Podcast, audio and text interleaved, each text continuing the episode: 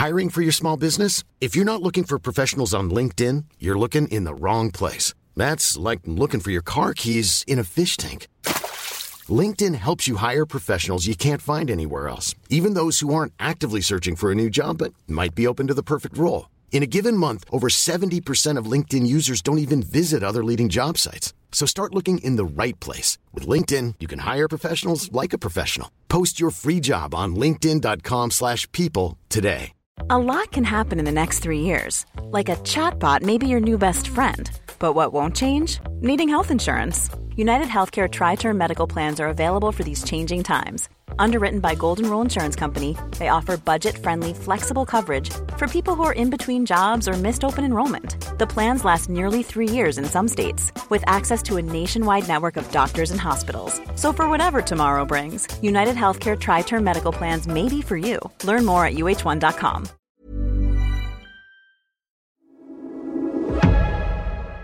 Du lyssnar på GVS ljudböcker.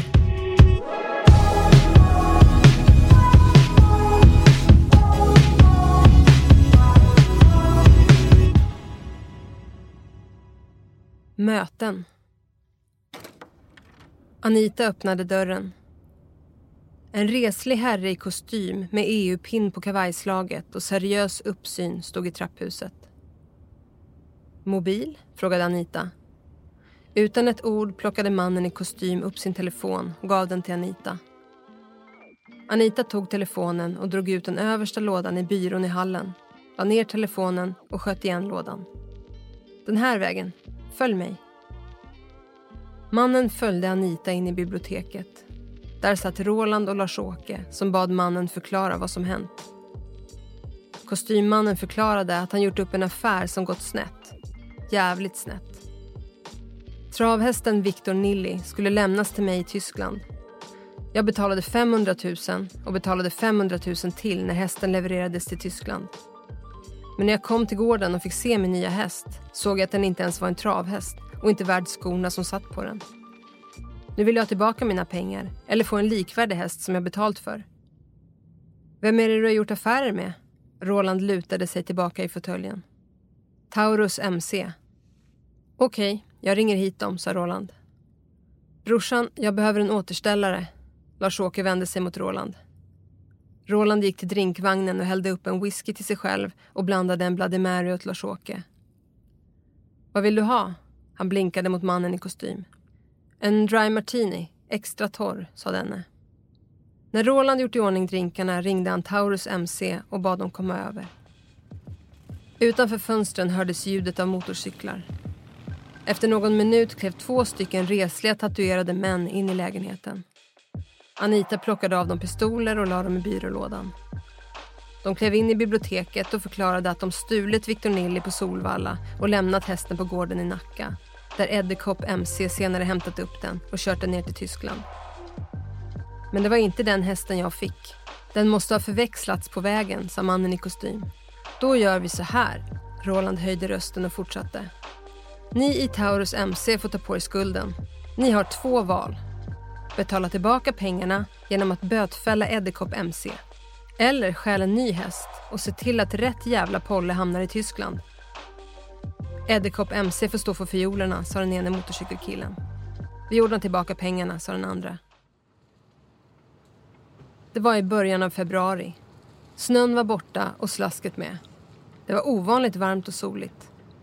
Folk kring kvarteret Fingatan, Fulgatan gick och ställde sig mot fasaderna för att insupa solljuset.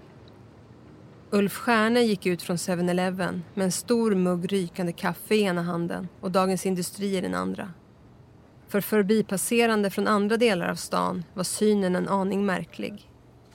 Ulf var trots vintern klädd i sin randiga favoritmorgonrock från Rolf Strömmare och lila brittiska sammetssandaler med bokstaven U på den högra och S på den vänstra.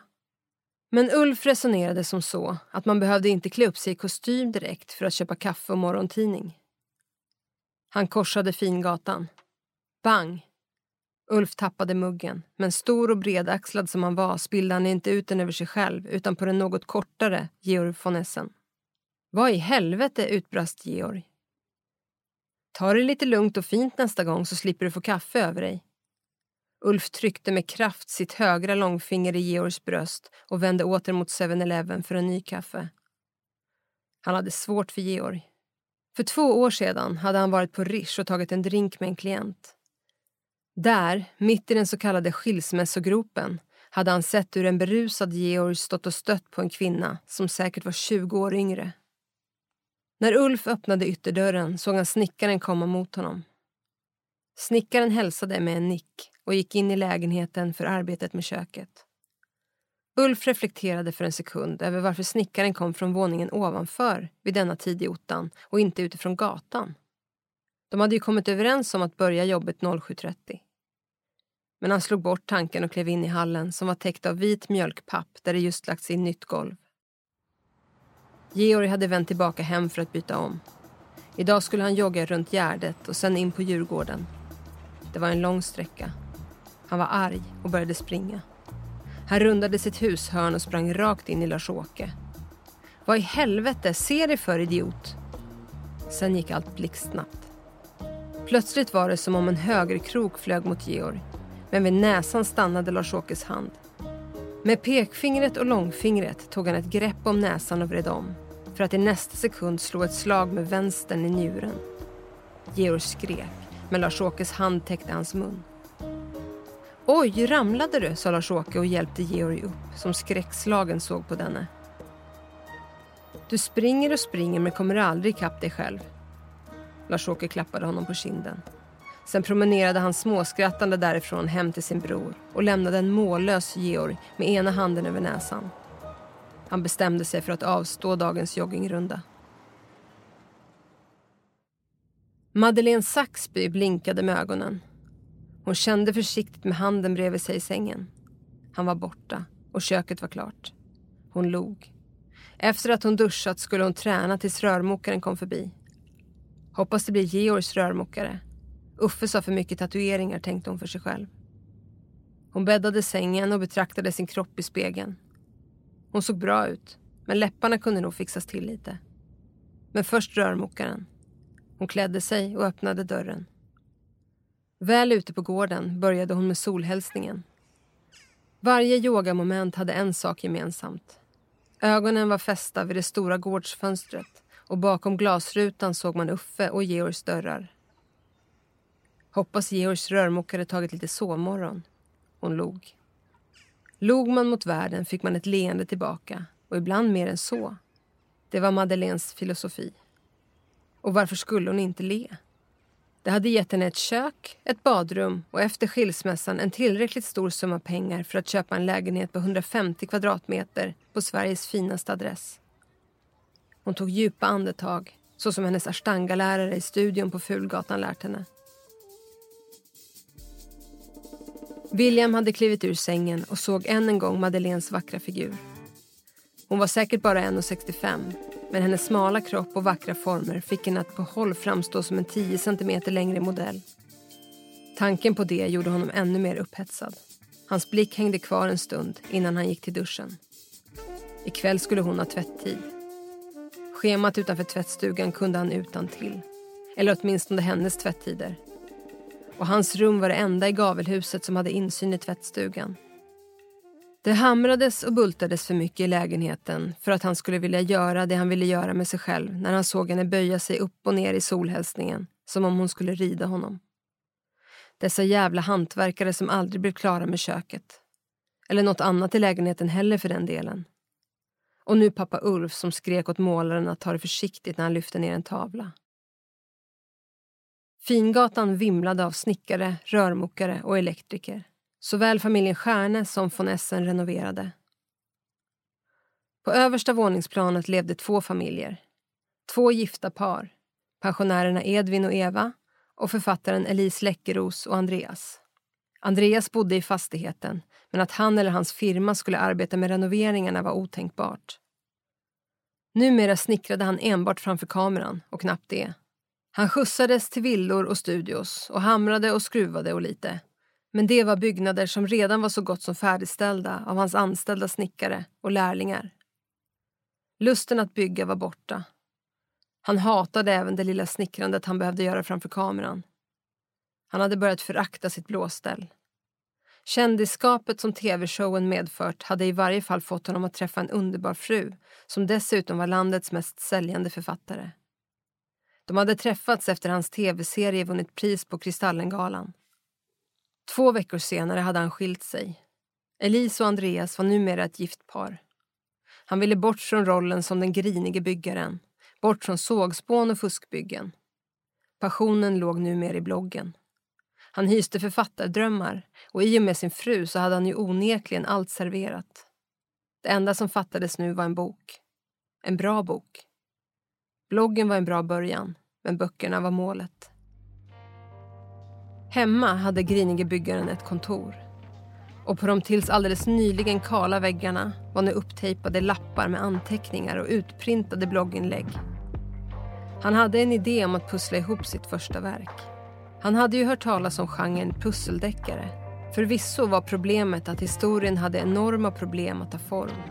Men när väl det var gjort skulle det bara återstå att lägga till mystiken. Det fanns ju också en genre som hette mystery. Det här skulle Lapidus och de andra gossarna som företrädde Stockholm noir allt läsa. Andreas var på väg att uppfinna sin egen genre, crime puzzle mystery. Just de orden stod skrivna på en vepa som hängde ovanför blogginläggen. Han visste vad som skulle bli bokens heliga graal. Knark. Han hade ju hört att Jens Lapidus använt sig av det i sina böcker. Och nu insåg han var han skulle få tag på information.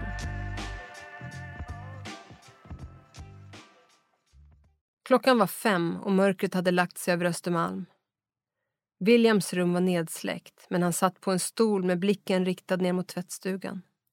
Han visste att hon visste att han tittade. Hon stod en bit in i tvättstugan så att det enda rummet med insyn var hans pojkrum. Hon log och lät toppen glida av och blotta brösten. Han lutade sig tillbaka i stolen vid datorn. Imma hade bildats på rutan, vilket försämrade sikten. Hon var nu helt naken. Plötsligt hoppade hon upp på den centrifugerande tvättmaskinen som dunkade upp och ner och fick hennes perfekt skulpterade kropp att vibrera. Hon särade på benen och just då, vid tanken på att få ta på henne, kom han. Än en gång stod Ulf och välkomnade bostadsrättsinnehavarna som släntrade in en efter en till extra stämman. Han såg trött ut. Precis när Ulf slagit träkåsan i mahognybordet reste sig Edvin och sekunden därpå Eva upp. Och med ett perfekt samordnat harklande började de samtidigt att säga ordet hissen. Var snälla och sätt er, sa Ulf. Han började med att sammanfatta föregående mötesdiskussion kring vinden och meddela att efter votering var det nu klart att vinden skulle säljas och att ett starkt intresse från flera köpare fanns. Diskussioner om huruvida ytterligare ett våningsplan skulle byggas på eller inte meddelade Ulf skulle komma först efter att bygglovet godkänts. Men han hade inte ens hunnit tala till punkt innan en rosenrasande röst utbrast. Hissen. Nu ska vi inte schabbla bort frågan om hissen. Edvin hytte med näven och reste sig igen. Eva stämde upp. Varför på Fulgatan, innan oss? Roland som satt bredvid henne reste sig och la en arm över hennes axlar. Sätt dig nu, Eva. Ulf, som just slagit sig ner bakom bordet, gav honom en tacksam blick. Men Edvin la märke till den och såg modiskt på Ulf som ju var anledningen till att han under en månad hade haft huvudet bandagerat och att han istället för hatt bara kunde bära sin gamla seglarkeps. Edvin satte sig dock ner. Ulf skulle just ta upp tråden när Eva reste sig på nytt och med gäll stämma undrade hur det kom sig att hon och hennes make som i nuläget bott längst tid i huset inte prioriterades. Innan jag förklarar det här med hissen en gång för alla måste vi diskutera uteliggarproblemet. Som alla här vet är vi flera som den senaste tiden har uppmärksammat madrasserna i källaren. Trots att fastighetsskötaren har avlägsnat madrass efter madrass samt bytt lås till källaren är det någon eller några som ofta sover där. Antagligen narkomaner eller rumänska romer. Är det någon här som vet med sig att den har tappat nycklarna vi fick efter det senaste låsbytet? Det var ingen av de samlade som sa sig ha tappat nycklar under januari månad. Ulf tog till orda igen. Då är den enda lösningen jag ser att vi ansluter oss till ett bevakningsbolag. Det kommer att kosta föreningen en del, men jag ska försöka göra allt för att undvika höjda avgifter. Och hur mycket pengar lägger vi då på hissen? utbrast Edvin. Vi fattade ett gemensamt beslut om det här i fjol. Jag ser ingen anledning till att vi ska diskutera hissens vara eller inte vara. Vi ska ha hiss i vårt hus också, bara det att deras byggs först. Så vi ska vänta tills jag ligger i graven, sa Edvin. Vi har bott längst i huset, räknas inte det? Är det inte värt något, sa Eva. Roland suckade och reste sig, tackade för ett uttömmande möte och lämnade med bestämda steg lägenheten. Det här var bara för mycket, tänkte han och skakade på huvudet. Ulf satt bakom skrivbordet och såg trött på församlingen. Pidde reste sig och såg sig osäkert omkring för att sen lunka efter. Yvonne satt och smsade samtidigt som hon såg en efter en lämna mötet. Ulfs kinder blev rödare och rödare.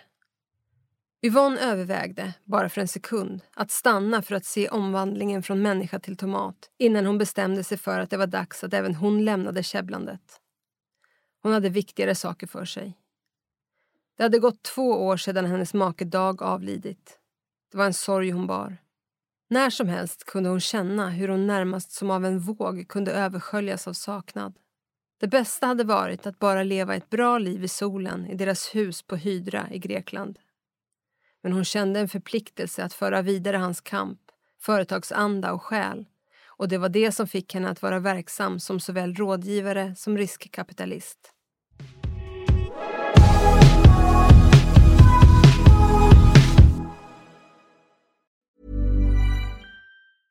Hej, jag Ryan Reynolds. På Mint Mobile, we like to do the opposite of what Big Wireless does. They charge you a lot, we charge you a little. So naturally, when they announced they'd be raising their prices due to inflation, we decided to deflate our prices due to not hating you. That's right. We're cutting the price of Mint Unlimited from $30 a month to just $15 a month. Give it a try at mintmobile.com slash switch. $45 upfront for three months plus taxes and fees. Promote for new customers for limited time. Unlimited more than 40 gigabytes per month. Slows. Full terms at mintmobile.com. Wow. Nice. Yeah. What you're hearing are the sounds of people everywhere putting on Bombas socks, underwear, and t-shirts made from absurdly soft materials that feel like plush clouds. Yeah, that plush. And the best part? For every item you purchase, Bombas donates another to someone facing homelessness. Bombas. Big comfort for everyone. Go to bombas.com slash ACAST and use code ACAST for 20% off your first purchase. That's bombas.com slash ACAST. Code ACAST.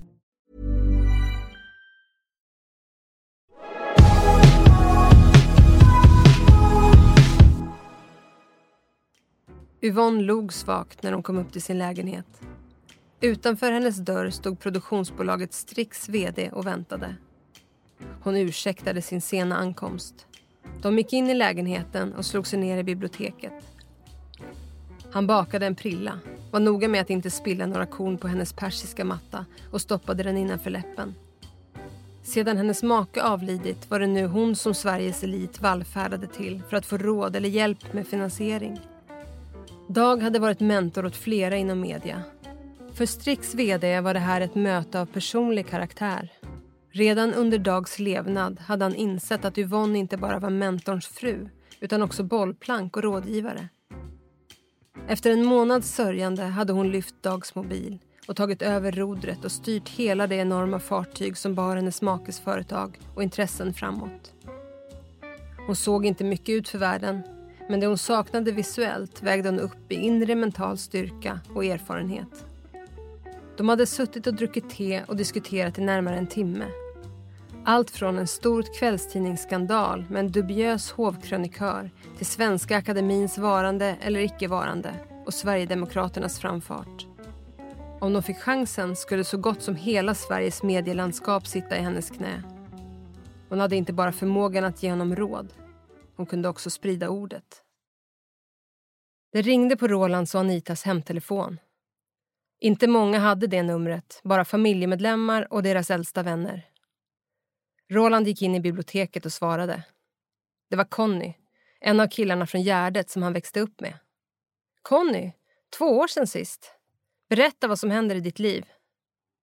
Jag har träffat en kvinna, Pim. Jag var på semester i Phuket och blev blixtförälskad. Vad trevligt. Hur gammal är hon? Har hon barn? sa Roland. Hon är 42 år och har en tonårsdotter som har följt med henne till Sverige. De bor båda hos mig i Tyresö. Problemet är att hon inte har något jobb och det enda hon blir erbjuden är som massör. Hon har inget att göra och är uttråkad. Jag tänkte höra om du har några kontakter.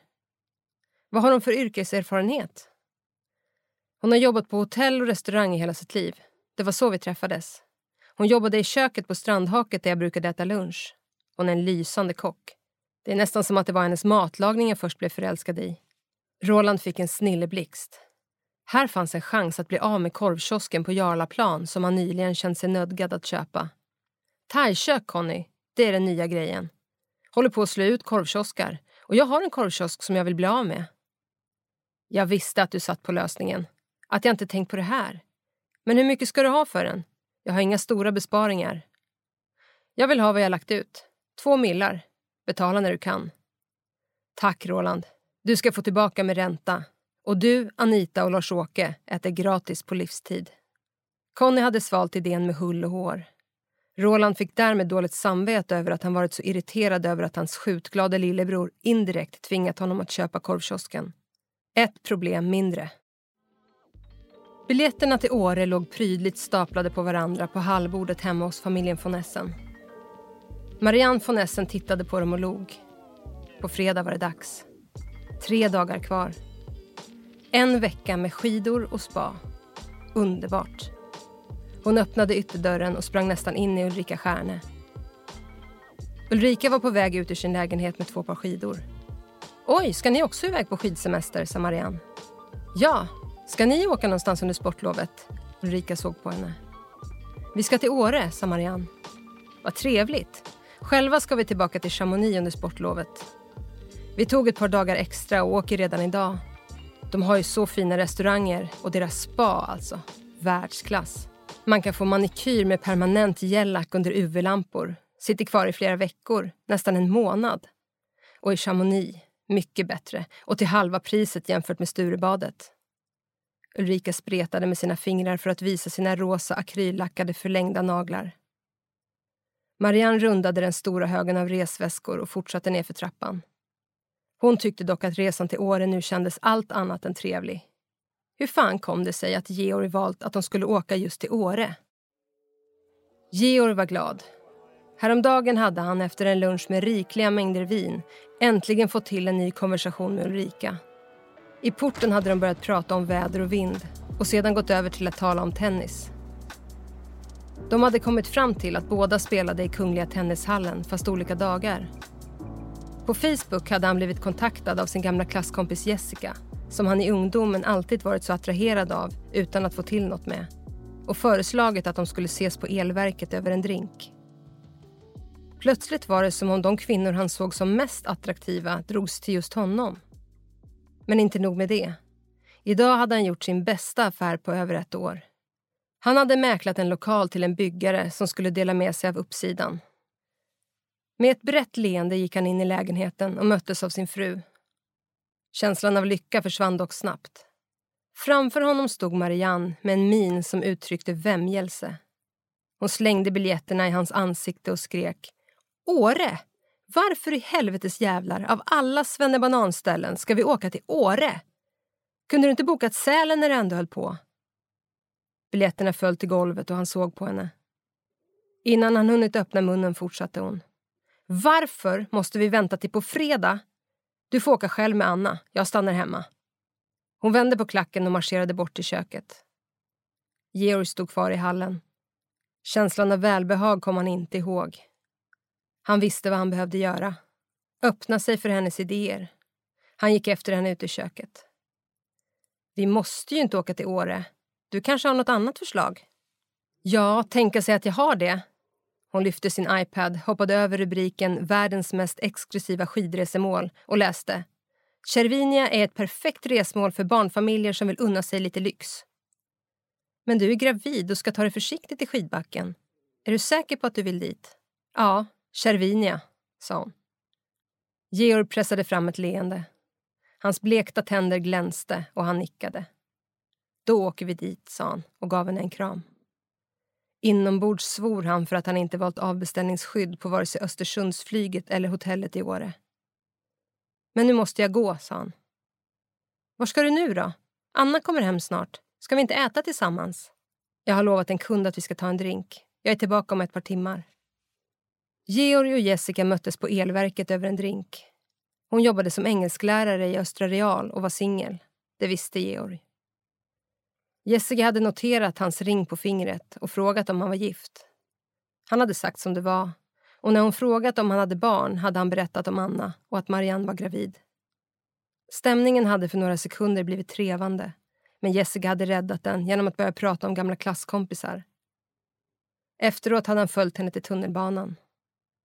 Vid Karlaplans fontän hade plötsligt William Stjärne dykt upp. Men hej William, sa Jessica. Hej William, känner ni varann? Georg såg förvånat på honom. Ja, William är en av mina duktigaste elever, sa Jessica. Georg kände sig lite obekväm. Varför i hela världen stod han med Jessica och William? William hade gått vidare när Jessica frågade. Hur känner ni varann? Vi är grannar. Jag får tacka för ikväll. Georg gav henne en kram.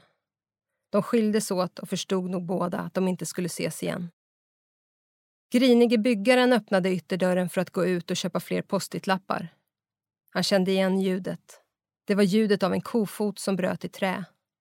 Han smög ner för trappan och innan han nådde första våningsplanet fick han syn på inbrottstjuvarna som var på väg att kliva in i Ulfs lägenhet. Med tysta steg sprang han upp till lägenheten, greppade en hammare som låg i hallen och smög ner samtidigt som han med sin mobiltelefon slog numret 112. Larmcentralen 112. Det är Andreas Skanse, även känd som Grinige byggaren. Nu är det så att vi har ett pågående inbrott på Fingatan 25. Inbrottstjuvarna är i lägenheten hos Stjärne, en trappa upp och jag är på väg ner för att avväpna dem. Stanna där du är. Radiobil är på väg. Andreas slog Ulfs nummer. Ulf, ni har inbrott. Jag har ringt polisen. De vill inte att jag ingriper. I helvete heller. Har du pistol eller gevär hemma? sa Ulf. Nej, men jag har en hammare i handen. Bra, gå ner och vakta. Jag ringer taxi och är där på momangen, sa Ulf. Andreas smög ner, men stannade en halv trappa ovanför Ulfs våningsplan. Han höll hammaren i ett fast grepp och stirrade på den uppbrutna dörren runt om vilken låg träflisor. Sekunderna blir minuter. Han hör hur de rumsterar runt där inne. Fem minuter går. Tio minuter går. Plötsligt slås dörren upp. Han höjer hammaren samtidigt som det kliver ut två maskerade män med en träningsväska och en oljemålning med en räv. De får syn på Andreas och höjer sina kofotar. Andreas gömmer hammaren bakom ryggen. Han ser dem springa ner för trappan. Den ena med en kofotoväska, den andra med en kofototavlan. Andreas ringer Ulf. Var är du? I taxin. Vad händer? sa Ulf. Jag kunde inte stoppa dem. De var två och beväpnade. Jag hade bara min hammare. Vad bar de med sig? sa Ulf. En bar på en väska och den andra på en tavla med en räv. Gå in i lägenheten. Rakt fram och gå in i vårt sovrum. Var är du nu? Jag står i sovrummet. Bra. Hur ser nattduksborden ut? På högra sidan är lådorna utdragna och slängda på sängen. Skit i dem. Hur ser den vänstra ut? Inget särskilt. Det ligger en liten klocka på nattduksbordet. Käre gode gud, min Patek Philippe är räddad. Andreas kände sig overklig. Det här var den form av perfekt action som han behövde till sin bok. Hallå, är du kvar? fortsatte Ulf. Ja, inbrottstjuvarna gick, svarade Andreas. Bra, bra. Vänta där. Gå ingenstans. Jag sitter i taxin. Efter tio minuter var polisen fortfarande inte där. Andreas frös till när han hörde porten öppnas. Var det polisen eller var tjuvarna tillbaka? Han slappnade av när han hörde Ulfs röst ropa hans namn. Ulf kom in i hallen och gick mot köket där Andreas satt. Var är polisen? Det har inte kommit några. Hur i helvete kan de inte prioritera ett pågående inbrott? Du kan gå hem nu. Ulf sträckte fram handen och fortsatte. Du ska ha tack. Andreas såg Ulf gå mot vapenskåpet i vardagsrummet. Han skyndade snabbt ut ur lägenheten.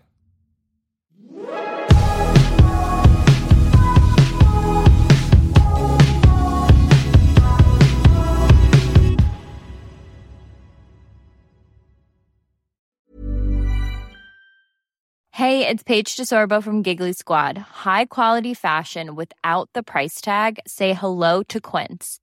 I'm snagging high-end essentials like cozy cashmere sweaters, sleek leather jackets, fine jewelry, and so much more. With Quince being 50 to 80% less than similar brands.